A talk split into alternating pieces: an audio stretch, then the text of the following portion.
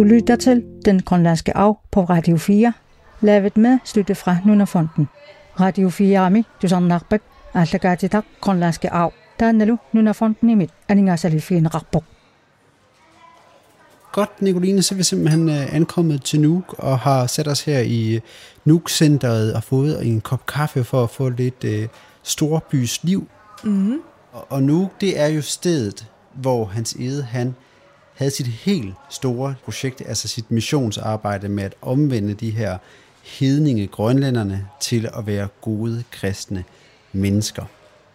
Ja, men øh, vi skal jo også øh, snakke lidt om, hvordan forholdet er til ham i dag her i Nuuk.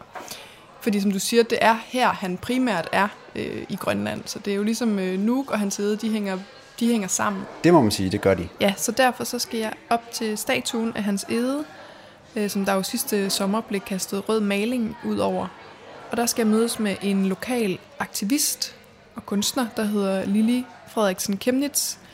Og øh, hun er en af dem, som synes, at det var en øh, rigtig god idé, at man her i Nuuk netop valgte at aflyse markeringen af hans side og 300 råd for hans ankomst. Og hvis man stiller sig ned til den statue der, og ser i den retning, som hans statuen kigger, så ser man jo ud mod fjordmundingen til Nuukfjorden, og den ø, hvor de slog sig ned. Og det er jo faktisk der, jeg skal ud i dag med Flemming Nielsen, som er en af dem her i landet, som ved allermest om øh, hans ede. Og det tænker jeg bliver en øh, fed tur for dig, fordi øh, det regner, og det blæser, og det er toget. Så, men altså, det er selvfølgelig meget øh, rigtig norsk vejr, nordnorsk vejr. Ja, det er nemlig sådan rigtig nordmandsvejr. Jeg, jeg synes, det er sjovt, når man læser om hans ede og ser på det, han jo har skrevet. Det minder mig så meget om de der øh, nybyggere, der tog til, øh, tog til USA for ligesom at søge et nyt liv. Så, så er de her nordmænd stævnet ud med skibene, og jeg tror med det samme, de bare har savnet deres kære norske hjemland og drømt sig tilbage igen, fordi de har jo gået sejlet alt det ukendte i møde og været pissebange.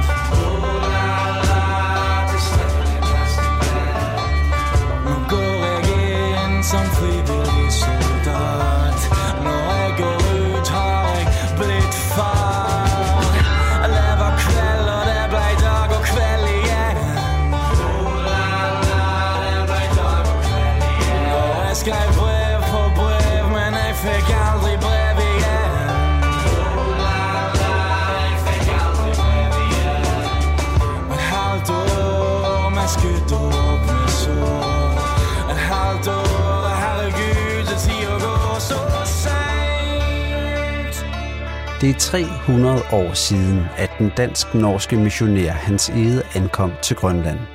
Han kom for at give det grønlandske folk en billet til det kristne paradis, og i mange år var han kendt som Grønlands apostel, men ikke længere. Sidste år blev statuen af hans ede i Nuuk vandaliseret. Rød maling løb ned over hans præstekjole, og mens man for 100 år siden fejrede dagen for hans ankomst til landet med pomp og pragt, har man helt valgt at aflyse markeringen af 300-året. Hvad er der sket? For at finde svaret på det, følger vi i hans edes 300 år gamle fodspor rundt i Grønland for at se, hvilke aftryk missionæren og den kolonisering, han blev billedet på, har efterladt i nutidens Grønland.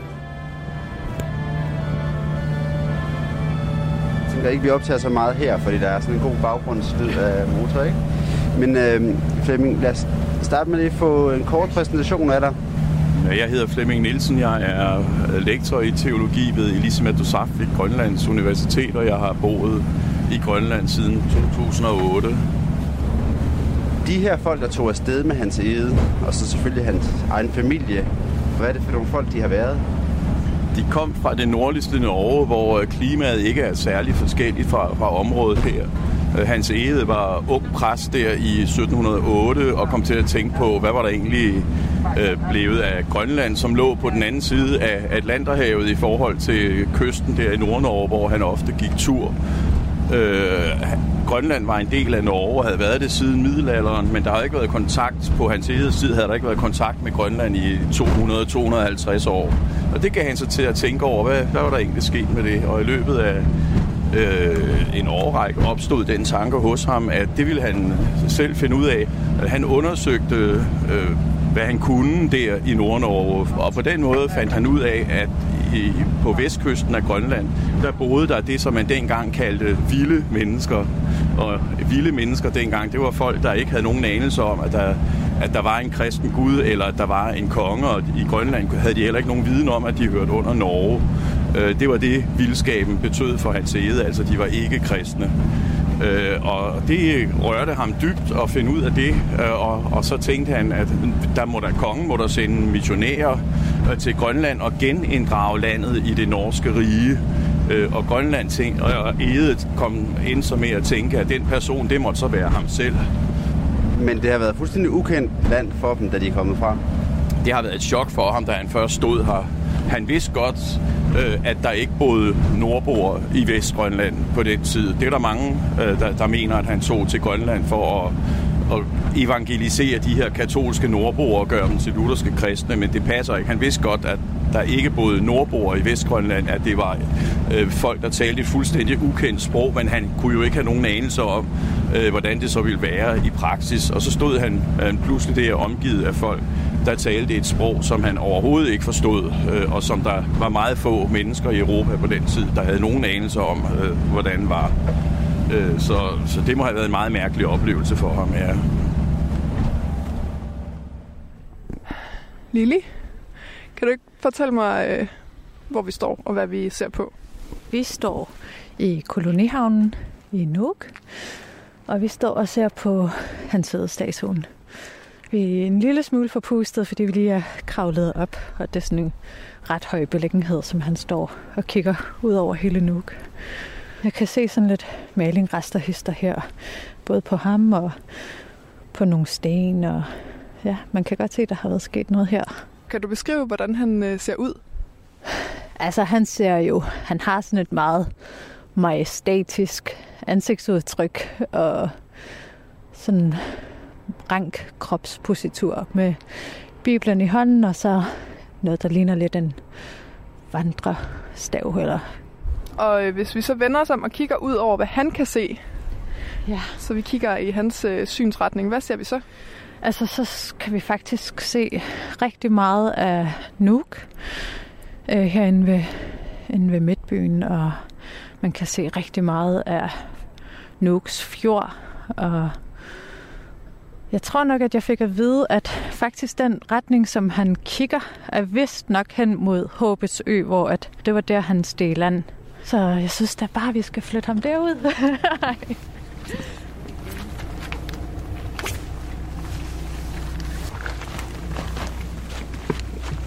Ja, det er så hans Edes hus.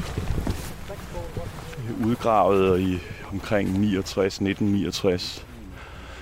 Øh, indtil i starten af 1900-tallet, der var det faktisk gået lidt i glemmebogen, hvor huset præcis lå henne. Øh, men det blev så opdaget, jeg tror det omkring 1905. Og der har altså boet næsten 5-46 mennesker eller sådan noget øh, i det hus der. Det er lidt vildt. De har, så, altså, de har haft tømmer med, ja, de da de sejlede frem det? Materialer med fra, fra Norge øh, og, og byggede det en uges tid efter ankomst, gik de i gang med at bygge huset her. Øh, for det hastede jo, man har øh, ret kort tid til at bygge hus i Grønland. Øh, så det hastede, men det var kun meningen, at, at de skulle bo her et års tid. Øh, så skulle de jo bruge det næste år på at finde et mere velegnet sted og bygge hus. Øh, men det kom altså til at ligge her i syv år, fra 1721 til 1728. Som dansker, så er det her sted jo enormt fremmed. Ja, det er sådan et meget norsk landskab. Ikke? Vi, vi befinder os i en skærgård med en masse småøer og holme. Øh, selve Håbesø er en ret stor ø, øh, og der var øh, boede masser af grønlænder i området. Grønlænderne var jo også meget mobile. De flyttede øh, eller rejste mellem nord og syd og kom forbi her. Øh, og det har Hans Ede jo benyttet sig af. Hans publikum øh, var omkring ham her. Men, men i dag er der jo totalt øde herude, og der er jo faktisk mange grønlænder, der aldrig har været på Håbesø. Det er slet ikke et sted, man, man sådan kommer øh, i nutiden normalt. Og de grønlænder, de har mødt her, hvad har, øh, ja, hvad har de måtte tænkt? Ja, de har øh, frygtet, at nu kom nordboernes efterkommere for at hævne sig. Øh, for grønlænderne mente, at det var dem, der havde fordrevet nordboerne. Nordboerne forsvandt fra Grønland i løbet af 1400-tallet. Øh, de kloge øh, skændes stadig om, øh, hvorfor nordboerne egentlig forsvandt. Men i grønlændernes mundtlige tradition, der var det grønlænderne, der havde fordrevet nordboerne, og de frygtede faktisk, at nu var de kommet for at hævne sig. Øh, så grønlænderne reagerede med frygt på, at nu var der nogen, der ville til at bygge et hus her. Øh, de prøvede faktisk at overtale dem til at lade være med at bygge huset og, og tage hjem igen. Øh, Ede øh, forstod selvfølgelig ikke alt, hvad der foregik omkring ham. Han var totalt fremmed over for det grønlandske sprog, øh, som ikke var beskrevet i Europa på det tidspunkt. Øh, men da han havde været her i et par år, øh, så fandt han ud af, at øh, grønlænderne faktisk havde sendt øh, angagokker ud, altså åndemanere ud for at, at, at, at med, med trylleremser, der skulle fordrive europæerne øh, og få dem til at forsvinde. Øh, så, så bange var de altså for, øh, hvad der skulle ske. De havde jo selvfølgelig også øh, andet end frygten for nordboerne at have deres øh, frygt i, fordi de havde jo erfaringer med øh, hollændere, der havde, var kommet her siden starten af 1600-tallet. Der havde også været øh, engelske opdagelsesrejsende, og de har ikke altid behandlet øh, grønlænderne lige pænt. Øh, der var også, havde også været ekspeditioner fra Danmark i 1600-tallet, hvor man også har bortført grønlænder, altså taget grønlænder til fange og bortført dem til Danmark. Formålet med det var, at de skulle gøres til gode kristne, og så skulle de returnere til deres eget land og udbrede øh, den kristne tro blandt deres landsmænd. Og det blev aldrig til noget. De bortførte grønlænder, de døde øh, i Danmark med sådan nogle episoder er det selvfølgelig ikke mærkeligt, at grønlænderne har været bange for, hvad hans ede ekspeditionen kunne finde på at gøre ved dem. Så, så der var flere grunde til, at de frygtede, hvad der skulle ske. Straks efter ankomsten til Grønland måtte vi gøre os ulejlighed med at opføre os en bekvem bygningsplads og en sikker vinterhavn for skibet. Men da vi ikke straks kunne gøre os den bekvemmelighed at tage ind i det faste land, og vi i den endnu igangværende korte sommers tid også skulle nå at have den med os følgende galiot gjort klar til hjemrejsen, turde vi ikke vente længere. Vi var derfor nødsaget til at tage vores vinterlejr herude i Udøerne, hvor vi den 9. juli 1731 i Jesu navn begyndte at opbygge os en bolig af tørv og sten. Den plads kalder vi Håbets Havn. Det var altså ikke lige frem varme følelser, der prægede grønlændernes syn på hans ide, da han først ankom til Grønland. Og spoler vi 300 år frem, er der da også i dag en del af den grønlandske befolkning, som ikke synes, at han er en særlig fed fyr. Og der er slet ikke en fyr, der har fortjent så prominent en placering, som den han har fået gennem sin statue, der står højt hævet over byen og skuer majestætisk ud over fjorden der er endda dem, der er klar til at tage sagen i egen hånd. Sidste sommer på Grønlands Nationaldag vågnede Nuuks borgere op til nyheden om, at der i nattens løb var nogen, der havde kastet rød maling på statuen af hans ide. På statuens sokkel var der med store blokbogstaver blevet skrevet Decolonize, altså på dansk afkolonisere. Derudover var statuen blevet dekoreret med tegn og symboler kendt fra de traditionelle inuit-tatoveringer – Aktivisten Lili Frederiksen Kelmitz er bestemt ikke fan af hans statuen. Men alligevel er hun splittet omkring sidste sommers overmaling af statuen. På den ene side, så synes jeg jo, at det er super fedt. Jeg, jeg kan godt lide kunst, som der provokerer, som der sætter tanker i gang. Men det er stadigvæk stadigvæk kærværk, og det er stadigvæk ulovligt. Så det er ikke noget, jeg selv har tænkt mig at give mig i kast med, men det er stadigvæk modigt. Der er jo sådan en... Det må du forklare mig, om den er ny, men der virker til at være sådan en, en decolonize-bevægelse, der virkelig sådan har taget grebet Grønland, både herboende og i Danmark. Er det korrekt forstået? Ja, jeg er fuldstændig enig. Og ser du dig selv som en del af den bevægelse? Ja, det, det gør jeg helt klart. Men man kan også godt vælge at bruge nogle andre ord. Hvis der er nogen, som der synes, at decolonize er for provokerende at sige, så kunne man jo sagtens sige, at det handler om at finde tilbage til vores oprindelige værdier, og det handler om at hele samfundet indenfra.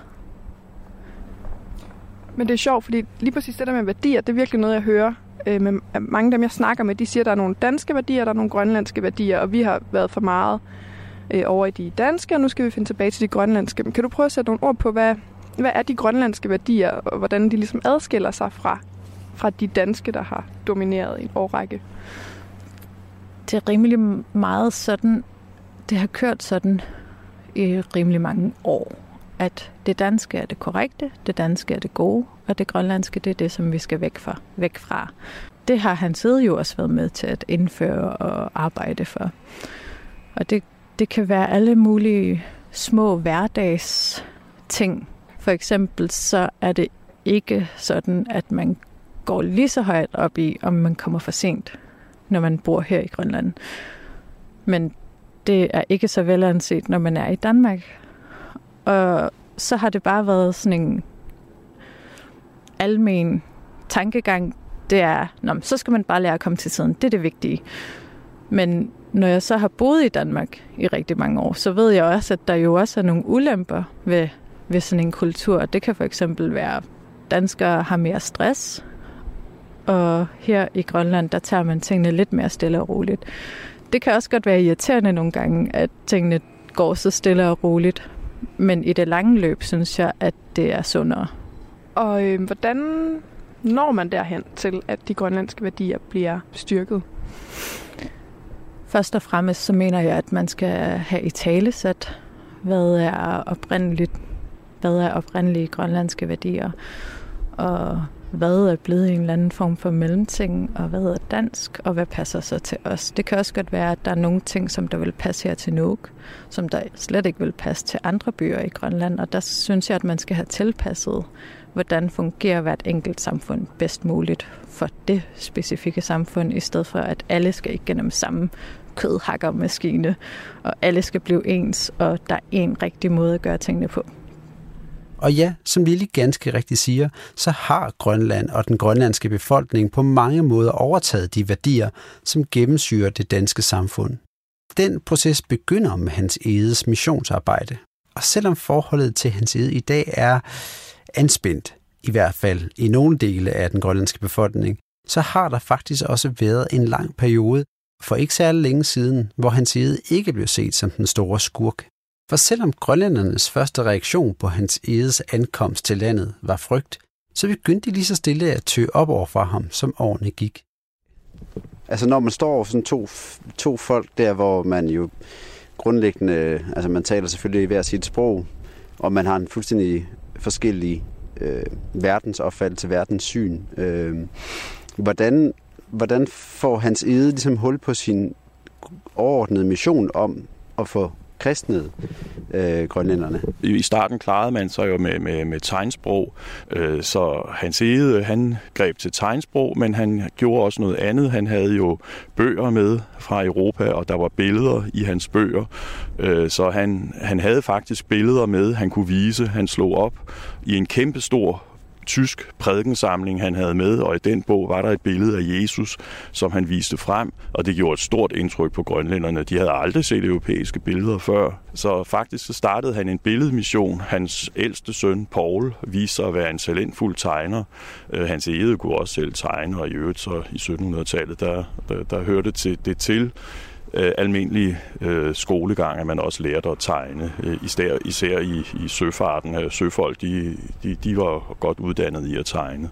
Øh, og ved hjælp af børnene, altså hans Ede havde fire børn med i alderen 4 til 12 år. Børnene, de lærer jo hurtigt sprog, og det gjorde hans Edes børn også. Så Ede blev bedre til grønlandsk, faktisk med stor hjælp fra sine børn, som lærte det af deres grønlandske legekammerater. Så i løbet af det første års tid, der var det selvfølgelig ikke meget, at han fik missioneret. Der lærte han landet at kende. Øh, men i løbet af det første års tid fik han faktisk også lært så meget grønlandsk, at han begyndte, at han begyndte at kunne sige noget, der var nogenlunde forståeligt. Og allerede to år efter hans ankomst, altså i 1723, der var han nået så langt, at han kunne skrive sin første øh, kristne tekst, altså en øh, katekismus, en lille lærebog i øh, i, i kristendom. Og det lykkedes ham faktisk at få kristendommen til at slå rod og, og, og brede sig langsomt. Øh, så, så de der opstod sådan lidt gensidig tillid, og grønlænderne begyndte at komme på besøg her i hans Egedes hus på, på Håbetsø, og nogle af dem overvintrede der. Der var familier, der godt kunne se fidusen ved at bo øh, sammen med europæerne i det her europæiske hus, hvor de kunne få mad, og det var ikke nogen selvfølge, at man øh, kunne få føden vinteren igennem. Der var folk, der sultede, og der var øh, nogen, der undgik at sulte ved at holde sig tæt på, på kolonien her. På den måde opstod der gensidig øh, tillid. Oven på sidste sommers overmaling af hans edestatuen opstod der en debat her i Grønland om, hvorvidt statuen skulle fjernes. Verden over der blev der reddet statuer ned af tidligere koloniherrer og slavehandlere, og i Danmark der røg Frederik den 5. også en tur i kanalen. Og derfor så var det naturligt, at statuen af hans ede kom op til genovervejelse. Der var dem, der mente, at han skulle smides i havet, og så var der dem, der slet ikke kunne se problemet. Og derfor så valgte man i Kommune Rafik Samasorg, den kommune, som Unuka er en del af, at lave en afstemning, hvor man spurgte befolkningen, hvad de mente. Der var 23.000 stemmeberettigede, og ud af dem var der 921, der stemte for, at den skulle blive stående, og 600, der stemte for, at den skulle fjernes. Øh, så, så det, jeg tænker, det er størstedelen var ligeglade, og dem, der var investeret i den her debat, var meget splittet. Oplever du, at, at, at der er en splittelse på det her punkt i den grønlandske befolkning? Ja, det synes jeg. Jeg synes, at grønlænder er et meget, meget fredeligt folk. Og noget af det, som jeg gør, og noget af det, som nogle af mine venner og mit netværk gør, vi jo meget højlytte, og vi er meget verbale, og vi er meget aktive, og på den måde så tror jeg godt, at det kan afskrække nogen lidt fra, hvad er det egentlig, der foregår med, med alt det, som vi laver. Og det er vigtigt for mig at pointere, at det, som vi faktisk arbejder og kæmper for, er stadigvæk fred, selvom at vi tror på, at der skal nogle kræfter til her. Fordi jeg mener, at det, som vi kæmper imod, også er nogle stærke kræfter. Så der er selvfølgelig også nogen, som der kan gøre det på nogle mere stilfærdige måder. Det, dem snakker jeg for eksempel også med. Der er nogen, som der for eksempel fravælger en masse kristne traditioner. De i tale sætter det bare ikke. Så der er nogen, som der fravælger overhovedet at holde jul sammen med deres familie, fordi det er en del af deres egen måde at praktisere indigenize, indigenizing deres eget liv. Ja. Tror der er nogen, der er bange for dig? Det håber jeg ikke. det håber jeg da slet ikke. Og hvad dækker indigenize over? Det er netop det her med at tage sine egne oprindelige værdier tilbage. Men skal vi så ikke øh, spacere øh, et sted hen og øh, se, hvordan sådan en øh, proces kunne se ud helt fysisk? Jo. Cool. Ned ad, ned ad bjerget. Yes. Mens Lili og Nicoline går en tur ned ad fjellet for at se nærmere på noget, som i modsætning til hans edestatuen, rent faktisk repræsenterer den oprindelige inuitkultur, har Flemming Nielsen, lektor ved Grønlands Universitet i Lisimatusafik, fundet en sten. Statuen ved kolonihavnen i Nuuk er nemlig ikke det eneste mindesmærke, der er rejst til minde om hans hede. Sten den blev rejst i, i 1921 i 200-året for, for Hans Edes øh, landing her. Der står så på grønlandsk øh, Hans Ede Nunarafferava. Hans Edes første bosættelse betyder det. Øh, og hvad hedder det? Man synes måske, det var lidt lidt, øh, bare nøjes med den der sten der. Det var, øh, man, begyndte, man samlede penge ind til det, øh, og, men, men, altså, der, var, der var så mange øh, bidrag, at man begyndte at tænke på, måske skulle man lave et lidt mere imponerende monument end bare det der. Øh, og det endte altså så med den Hans Ede statue, vi har i dag ved Nuuk. Men øh, det tog lidt tid at skaffe alle pengene til det, så den blev så først rejst året efter, altså i 1922. Øh, men, men egentlig var det et monument i den her stil, man, man oprindeligt havde tænkt på at samle ind til. Det var først sent i processen, at, at det endte med at blive den der kæmpe statue, som, som står der nu. Ved siden af det her store monument, så er der en lille sten rejst af Gangers ungdom i 1924, altså to år senere. Man var stolte og, og glade øh, for, at hans æde var kommet. Man havde et positivt syn på ham, og at ungdommen fra Gangert lige frem rejser den der mindre sten, der står ved siden af den lidt større sten der i 1924. Det, det viser jo, at, man, at også ungdommen har anset hans æder for at være en vigtig øh, person, ikke? Som, som man mindedes med med glæde og stolthed. Han er jo blevet en meget, meget mere omdiskuteret person de sidste par år, hvor der opstår nogle konflikter, eller hvor der i hvert fald er nogle, nogle forskelle. Nu er jeg jo dansker, jeg har boet her i 13 år, men, men altså set udefra er, er det meget mærkeligt, at der sker det, det her skift, fordi øh, altså Grønland, hans ede er øh, ophavsmand til det grønlandske skriftsprog. Når det først eksisterer, og folk har taget det til sig, og alle grønlændere i Vestgrønland havde lært at læse og skrive øh, under 100 år efter hans edes ankomst. Altså i begyndelsen af 1800-tallet kunne alle grønlændere i det her område i Vestgrønland læse og skrive på et tidspunkt, hvor der stadigvæk var mange analfabeter i Europa. Og det var hans ede, der grundlagde det her skriftsprog, og da det først var grundlagt, og folk havde taget det til sig, så kunne de jo bruge det, som de ville, og til deres egne formål. Øh, der opstod en grønlandsk offentlighed i 1861, da avisen, den grønlandske avis, Advogatlivet tit bliver grundlagt. Og så der er det grønlændere selv, der redigerer den, og det er grønlændere selv, der skriver i den, og det er dem selv, der debatterer. Og midlet til, at det kunne ske, jamen det var det grønlandske skriftsprog, som hans ede grundlag. Så der vokser en grønlandsk nation frem, og der opstår en national bevidsthed. Så hvis man skal være lidt provokerende i dag, så kan man sige, at Grønland er, hans æde er i virkeligheden den grønlandske nations far. Fordi hvis ikke han var kommet, så var der ikke kommet nogen andre. Der stod ikke andre på spring for at få lov til at missionere i Grønland. Var han ikke kommet, så var det hollændere, der havde sat sig fast her. Måske var det englændere. Øh, Grønland ville i dag have været en del af Kanada. Øh, sproget ville have været engelsk, øh, og grønlandsk ville have været et lille minoritetssprog, som blev talt af de gamle, øh, og det ville være, i dag være, sikkert være på vej til at forsvinde. Ligesom Inuktitut er det over i Kanada. Det er de, de gamle, der taler det. De unge, de er ikke så gode til det. Men altså i efter 2. verdenskrig og op igennem 50'erne og 60'erne, der opstår der jo øh, den her, hvad hedder det, øh, hvad hedder det, postkoloniale bevægelse. Grønland Øh, finder ud af, at de vil også være en del af den her postkoloniale bevægelse. I Amerika kan man roligt tale om, om kolonimagter. Øh, Amerika er blevet koloniseret, øh, de lokalbefolkningen er blevet marginaliseret, og de er små mindretal, og man kan også øh, roligt anklage øh, amerikanske eller de europæiske kolonister i Amerika for folkemord. Øh, store befolkninger er, er udryddet, og de lokale sprog er blevet udryddet øh, for en stor dels vedkommende i hvert fald i Amerika. Så der kan man tale om kolonialisme, og der kan være grund til at gøre op med øh, den her kolonifortid. Men der var grønlandske unge i, i 60'erne, som kom til Danmark og fik en god uddannelse, øh, som lærte noget om øh, øh det der med at øh, om at have været koloniseret, øh, og der opstod sådan en bevægelse, jamen vi skal med på den her bølge der, ikke? Vi, vi, skal, vi, vi er også koloniseret jo, øh, og det ser man jo også i dag, at, at øh, grønlandske politikere den dag i dag øh, sammenligner, øh, altså øh, vi har jo også været koloniseret, siger de, ligesom de har været over i Amerika, øh, men det er altså på en helt anden måde, øh, vil jeg mene. Så det er jo en del af en international tendens, øh, at øh, oprindelige folk overalt i verden øh, vil frigøre sig, og så skal Grønland også ligesom ride med på den der bølge.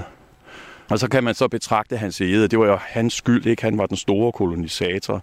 Jeg har endda set øh, falske hans ede citater komme i omløb i forbindelse med, at hans æde statuen blev overmalet øh, sidste år. Øh, der blev der sat plakater op i busskuerne med hans ede citater, og nogle af dem var simpelthen falske. Et af de falske citater øh, går ud på, at, at hvis, øh, hvis et barn, ja, hvad var det nu, der stod? Altså et barn, der modsætter sig missionen, Øh, han skal sættes i fangehullet, og så skal han piskes øh, dagligt i en uge, før han så bliver sluppet fri igen. Og det har han set aldrig skrevet nogen steder. Det ville jo være børnemishandling, og det, det, det gjorde altså det, det, Jeg har læst øh, alt, hvad han har skrevet, og der, der står ikke det citat nogen steder. Øh, så, men, men altså, det er jo eksempler på, hvordan man øh, demoniserer hans edefiguren, fordi øh, det, var jo, det, det var jo ham, der, der kom øh, og, og opbyggede en koloni. Det er ikke kun i dag, at hans ede møder modstand, hvad end han så fortjener det eller ej. Også dengang for 300 år siden var der folk, som ville af med ham. Her var hans største modstander, åndemanerne, eller Angergut, som var det åndelige overhoved i datidens inuitkultur. Hvis man så kigger på det religiøse, fordi han har jo, han har jo haft en, nogle ligesindede, kan man sige, lidt inden for en anden trosretning, altså i åndemændene af anagogen. Jo. Og dem har han jo nogle, nogle kampe med, eller der er i hvert fald noget twister der i forhold til det. Helt sikkert, ja. Det er klart, at han kommer med noget nyt. Han kommer for at missionere. Han kommer for at omvende grønlænderne. Øh, og, og det er klart, at i den proces, Øh, der sker selvfølgelig, der sker for det første et kulturmøde mellem den oprindelige grønlandske shamanistiske tro øh, Øh, og, og så hans edes øh, kristendom. Og, og, og det er, er fuldstændig rigtigt, at hans ede kommer jo øh, med, altså for, sådan set for at udrydde øh, den oprindelige grønlandske religion. Og, og det kan man jo sige, at det er et, et overgreb øh, øh mod den, den oprindelige grønlandske religion. Altså det, det var det jo, øh, fordi han kom som missionær og, og for at udbrede kristendom. Der var Angagut øh, hans vigtigste modstandere, for det var jo dem, der var øh, de mest ansete skikkelser i det gamle grønlandske samfund. Hvorfor er I så gale, at I tror disse løgnagtige Angagut, når I ved, at de intet dur til? Hvorfor hekser de ikke om dagen, og når der er lyst, så vi kan se det? Hvis I ikke holder op med at hekse, der skal vi til sidst slå jer ihjel og udrydde jer fra jorden. Ti Gud har befalet os at slå sådan nogle ihjel. Men grønlænderne, de var jo ikke bare tavse. Øh, de gjorde, øh, altså Angagut øh, gjorde modstand og protesterede, og der udsp- øh, når, da hans ede var i stand til at, øh, efterhånden blev i stand til at tale grønlandsk efter en 3-4 år, Øh, så blev der faktisk ført øh, teologiske diskussioner her på Håbets Ø. Han mente, at Angergut var bedragere, øh, og de narrede deres publikum. Angergut vidste godt selv, at de ikke i virkeligheden kunne flyve op til himlen. Det var bare noget, de bildte folk ind, men de fik publikum til at tro på, at de faktisk kunne flyve op til himlen eller ned i havet og besøge havets mor og vende tilbage igen. Og, og derfor så bekæmpede han Angergut, fordi han mente, at de var bedragere. Jeg synes, vi bliver nødt til at komme lidt nærmere ind på livet af de her åndemanere og den trosverden, som hans ede er oppe imod. Derfor skal vi nu introducere en ny person. Hun hedder Maria Kreutzmann og er professionel monsterjæger. Det kalder hun i hvert fald sig selv. Hun har lavet et opslagsværk over de væsener, som hun ser i de grønlandske savn og myter. Monstre, som hun kalder dem. Derfor kan man sige, at Maria Kreutzmann er ekspert i åndemanernes samarbejdspartnere, nemlig de ånder og væsener, som lever i naturen. Åndemaner, de havde så mange funktioner. Den åndemaner kunne være, han kunne være øh, storfangeren på den boplads, han var tilknyttet. Det kunne han også overhovedet ikke være. De kunne også være læger. De kunne også ikke være læger. Øh, størstedelen af de åndemaner, vi hører om, var mænd. Men der var også kvindelige åndemaner, fordi det handlede i virkeligheden om deres åndelige kræfter. De var et bindeled imellem den her verden og den næste. Og de åndemaner, som der definerede reglerne, det var igen deres subjektive forståelse af de forskellige regler og de forskellige væsener, og hvordan man skulle fare omkring dem. Så vi kan godt lide som mennesker, tror jeg, specielt i den vestlige verden, ligesom vi har en bibel, der er et sæt regler, nu kigger vi på dem, og så er der en liste, og så laver vi et Excel-ark, hvis det er det, vi har brug for. Men det er meget, meget svært at definere åndelig tro, fordi der er ikke nogen regler sådan rigtigt. Der er nogle enkelte steder, hvor der er nogle ting, der går igen i forhold til religionen, men, men ellers så er det igen bare super, super subjektivt. Angekgud sørgede for at huske, hvad for nogle regler, der eksisterede. Der var jo selvfølgelig også øh, den almindelige folkelige mundtlige overlevering. Og så sørgede de simpelthen for at holde folk inden for rammerne af de her regler. Og hvis der skete noget forfærdeligt, så var det også øh, Angekguds job at sørge for, at det monster, der eventuelt måtte have været grunden til, at man havde misfangst, eller øh, der blev født en hund med to hoveder, eller whatever, han sørgede for at holde en åndemanerseance, og så simpelthen fordrive den ondskab, der måtte eksistere, som gjorde det dårligt for alle.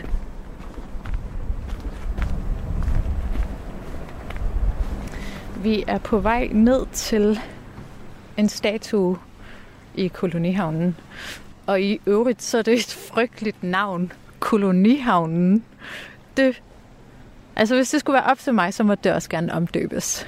Men vi er på, vi er på vej ned til en anden statue, som der ligger nede ved stranden af havets moder.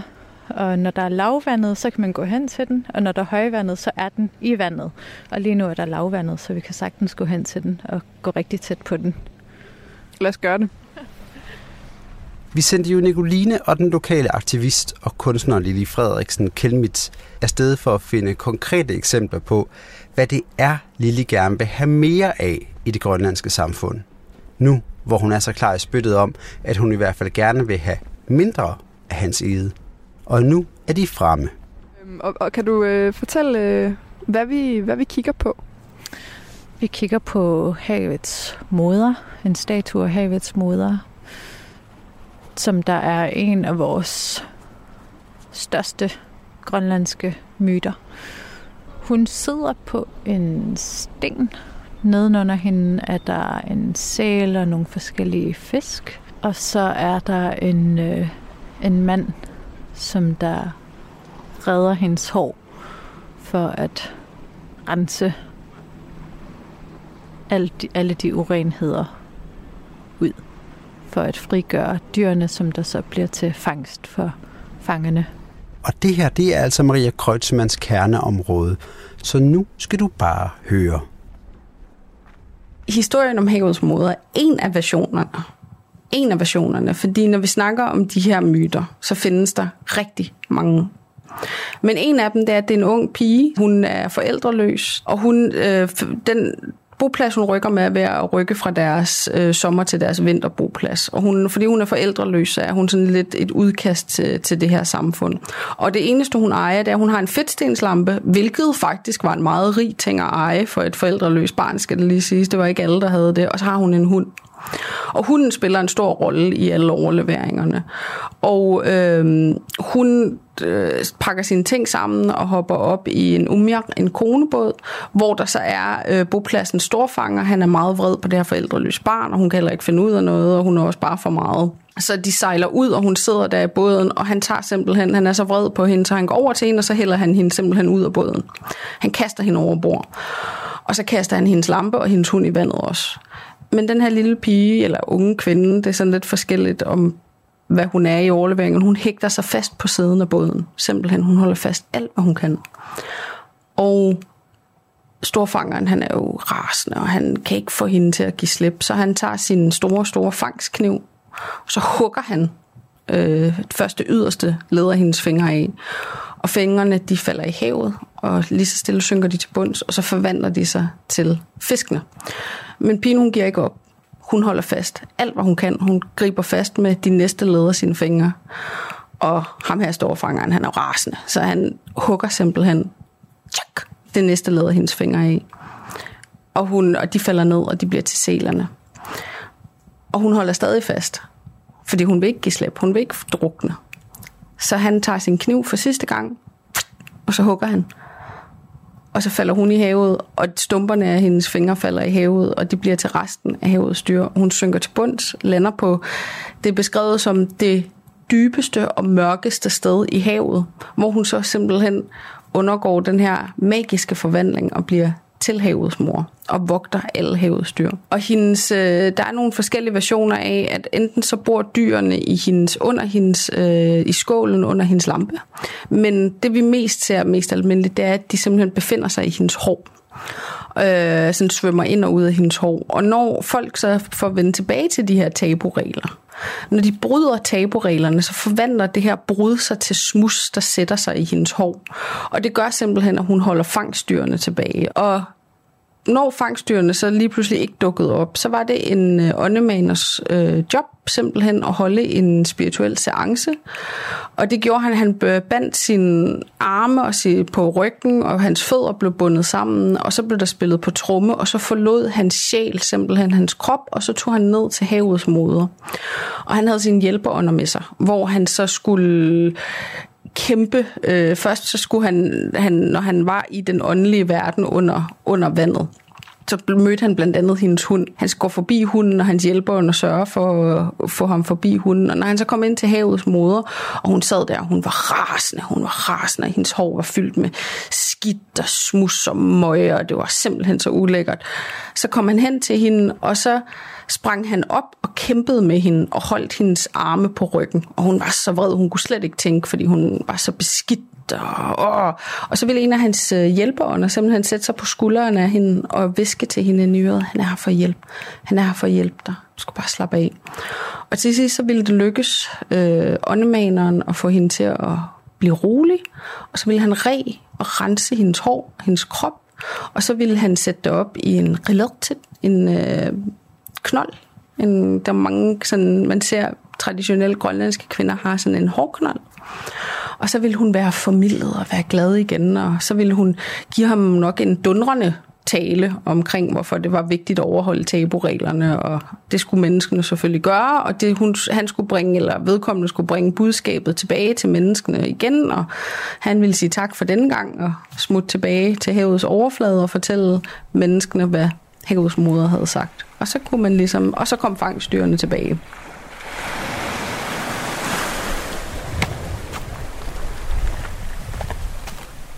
Der er den. Ja, det er havets moder, som øh, Lille hun viste mig forleden. Den er ikke så stor, som jeg forestillede mig. Nej, og hun har alle fingrene i god behold. Men øh, der er noget øh, højere vandstand i dag, end sidst jeg var her. Mig og Lille, vi kunne gå helt ud til den.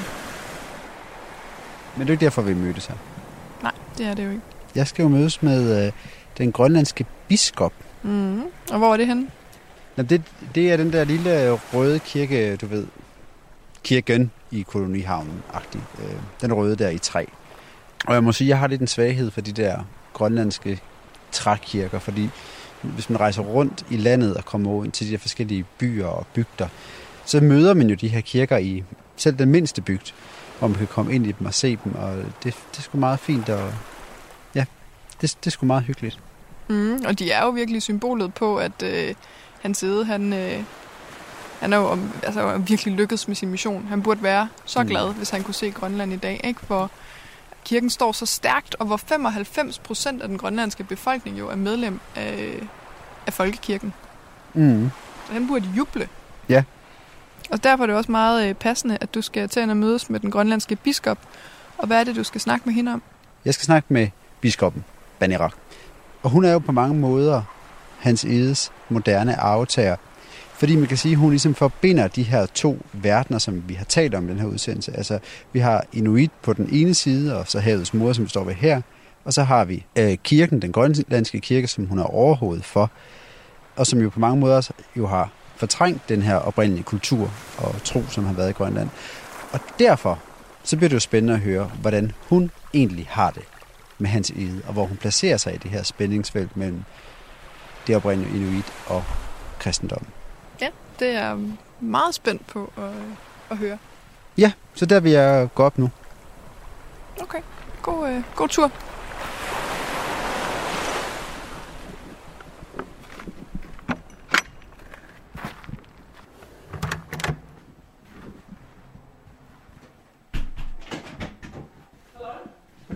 Skal man have mundbind på, eller? Nå, dejligt.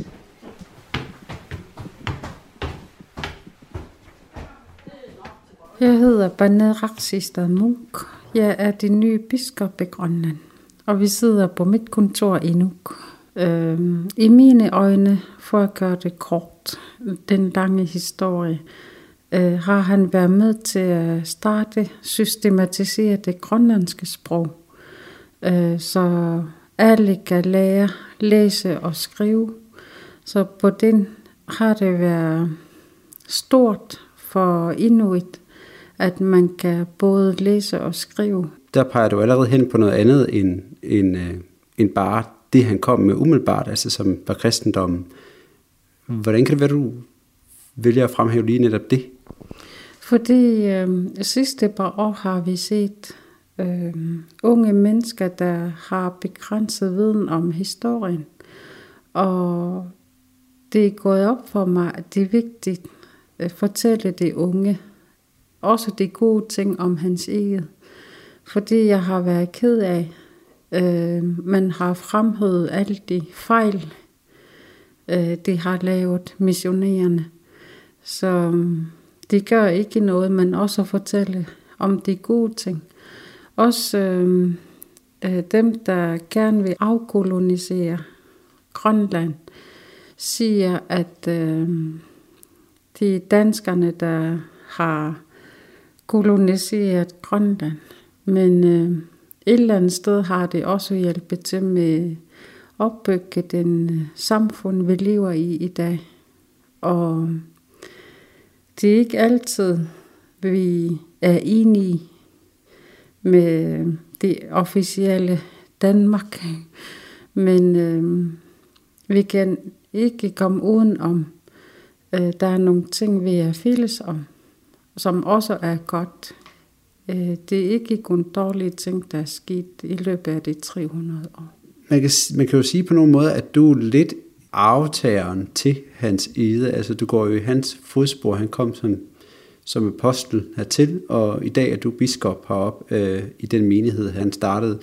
Hvordan er dit eget forhold egentlig til, øh, til hans ide? Øh, som grønlander har man mange meninger og følelser med ham og for ham. Øh, jeg har ikke skjult, jeg ikke altid har været glad for ham. Øh, et eller andet sted kan jeg godt se alt de mange frustrationer, de unge mennesker har kommet med sidste års tid. Alt det kan jeg godt sætte mig ind i, hvad de føler. Men øhm, til det tænker jeg hele tiden, vi skal hele tiden huske på, at han levede i en anden tid, end den vi er i dag. Og det er ikke kun ham, kun ham, der har opført sig på den måde. Øh, her tænker jeg på, øh, man på det tidspunkt har nogle afstraffelses øh, metoder, øh, som ikke længere er accepteret i dag. Øh, det vil ikke gå, hvis jeg som biskop går ud og øh, straffer nogen på den måde. Men hvad er det for nogle ting, du så kan genkende for dig selv af frustrationer, som man kan binde, for eksempel kan binde op på hans ede, eller det han nu står for? De ting, øh, han har skrevet i dagbøgerne, øh, hvordan han omtaler mine forfædre, er ikke så kønt. Øh, så hvis det var i dag, han skrev det, har jeg nok givet ham til politiet for racisme. Igen her øh, husker jeg på, det var en anden tid, og det var en anden måde at tale til hinanden på. Så på den måde har jeg ikke længere, jeg er ikke længere sur på ham, øh, hvis man kan sige det på den måde. Men, men ser du dig selv som aftager for ham? Jeg kan ikke øh, se bort fra, det var hans gamle stol, øh, jeg sidder i. Men øh, jeg er også stolt af, jeg er grønlander, som har taget ansvar og har taget uddannelse. Så vi på den måde også viser i dag, det er noget, vi selv kan være med til at forme, hvordan fremtidens kirke skal se ud. Og nu snakker vi jo meget om de unge, øh, eller i hvert fald en del af de unge. De vil jo nok bebrejde lige præcis hans ede for, at han har været med til at øh, ødelægge eller fratage, hvad skal man sige, grønlænderne eller inuit, sin oprindelige tro og traditioner og kultur som sådan. Øh, og sige, at det er ham, der egentlig er skyldig, at de ikke står stærkere i dag. Hvad tænker du omkring den del af det? Øhm, det, det har ret til at have den mening, men jeg ved ikke, om det også har lært om, hvordan tiden før hans eget var. Det var meget grove ved hinanden. Øh, ved det mindste uenighed øh, kan de dræbe hinanden. De unge har nogle gange haft lidt for romantiserende idé om, hvordan livet var før kristendommen.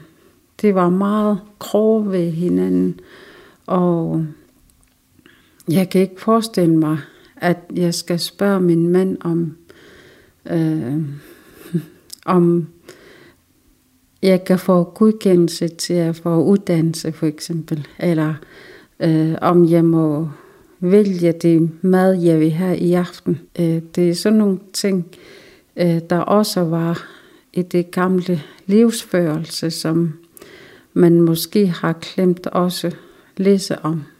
Man kan jo ikke kun se på det andres fejl. Der må også have været nogle negative ting om Inuit. Og i mine øjne, eller som kristen, øh, siger jeg, at det er vigtigt, at vi ser også på de gode ting, ikke kun de dårlige ting, på begge sider. Og når man så kigger rundt på de kontorer, så er der jo mange ting her, som, øh, som trækker hen det, som jeg vil kalde sådan noget typisk øh, grønlandsk inuit-symboler, øh, som er sådan noget, man tager fat i for at vise sin kulturelle del, som måske ikke handler så meget om det, som europæerne kom med. Det er måske et dårligt spørgsmål, men hvordan kan en biskop have den slags ting stående øh, på sit kontor? Hvad er det for en du ting? Nå, men der står der sådan øh, inuit mand og dame, ikke? Altså, ikke at det nødvendigvis er kontroversielt, men du har bare nogle ting, som, øh, som peger noget andet, eller som symboliserer øh, den oprindelige inuit øh, kultur. Vi prøver at strikke de to verdener sammen. Så jeg skammer mig ikke over at have de figurer. Øh, det betyder noget også om, øh, lige de to minder mig om, det er øh, noget, jeg har købt i Østgrønland. Øh, det minder mig om det oprindelige mand og oprindelige kvinde, jeg øh, nogle gange har brug for. Det giver et eller andet sted tryghed, at øh, min, blive mindet om, man bare er menneske. Øh, selvom man er præst, er der stadig menneske. Ham, der så står derovre i den der fedtstensfigur, er det så hans side, du har stående der trods alt? Ja, øh, mange af de ting, der står herinde, er jo noget, bispeembedet har, øh, som jeg har arvet. Øh, mine ting fra kontanterne er ikke kommet ud af kasserne endnu. Øh, så de ting, der er her, er ligesom, var der altid måske har ligget her. det er hans eget. Øh, da jeg kom her, havde han sin stok. Jeg kan ikke finde den. Jeg har flere gange lidt efter den, om den er røget ned mellem bøgerne, men stokken kan jeg ikke finde. men får han, når kasserne så bliver, skal pakkes ud, får han lov til at bestående, eller jeg flytter i hvert fald ikke i de ting. De tunge sten, fedtsten. Der er både Jesus i, øh, der hænger på korset, og det, det må gerne blive her. Det er egentlig lidt pudsigt med den forsvundne stok. Stokken den symboliserer jo visdom og værdighed og naturligvis Jesus, som den omsorgsfulde hyrde, der vogter sin flok. Men stokken den symboliserer jo også straf, politistaven, stokkeslag, den strenge lærers spanskrør. Og det er den side af sagen, vi skal tale om næste gang.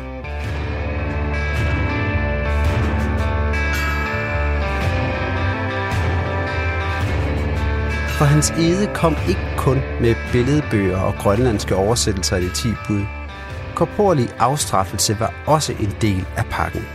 I det hele taget vendte koloniseringen op og ned på den grønlandske forståelse af retfærdighed og straf, for så senere at forsøge at vende tilbage til det hele ved at lave et stort socialt eksperiment, men meget mere om det i næste afsnit. Du har lyttet til den grønlandske arv på Radio 4. Mit navn er Mads Malik Fuglsang Holm, og min kollega hedder Nicoline Larsen. I programmet er der blevet læst højt af relationer fra Grønland af Hans Ede. Du kan finde programmet som podcast der, hvor du plejer at finde den slags.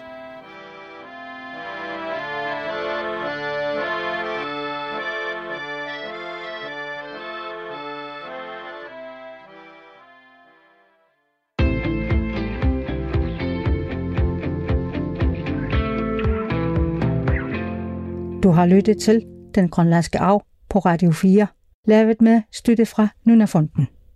Radio 4 Ami, du sådan nakbæk, altså Grønlandske Arv, der er Nunafonden i mit, aningasali fin rakbuk.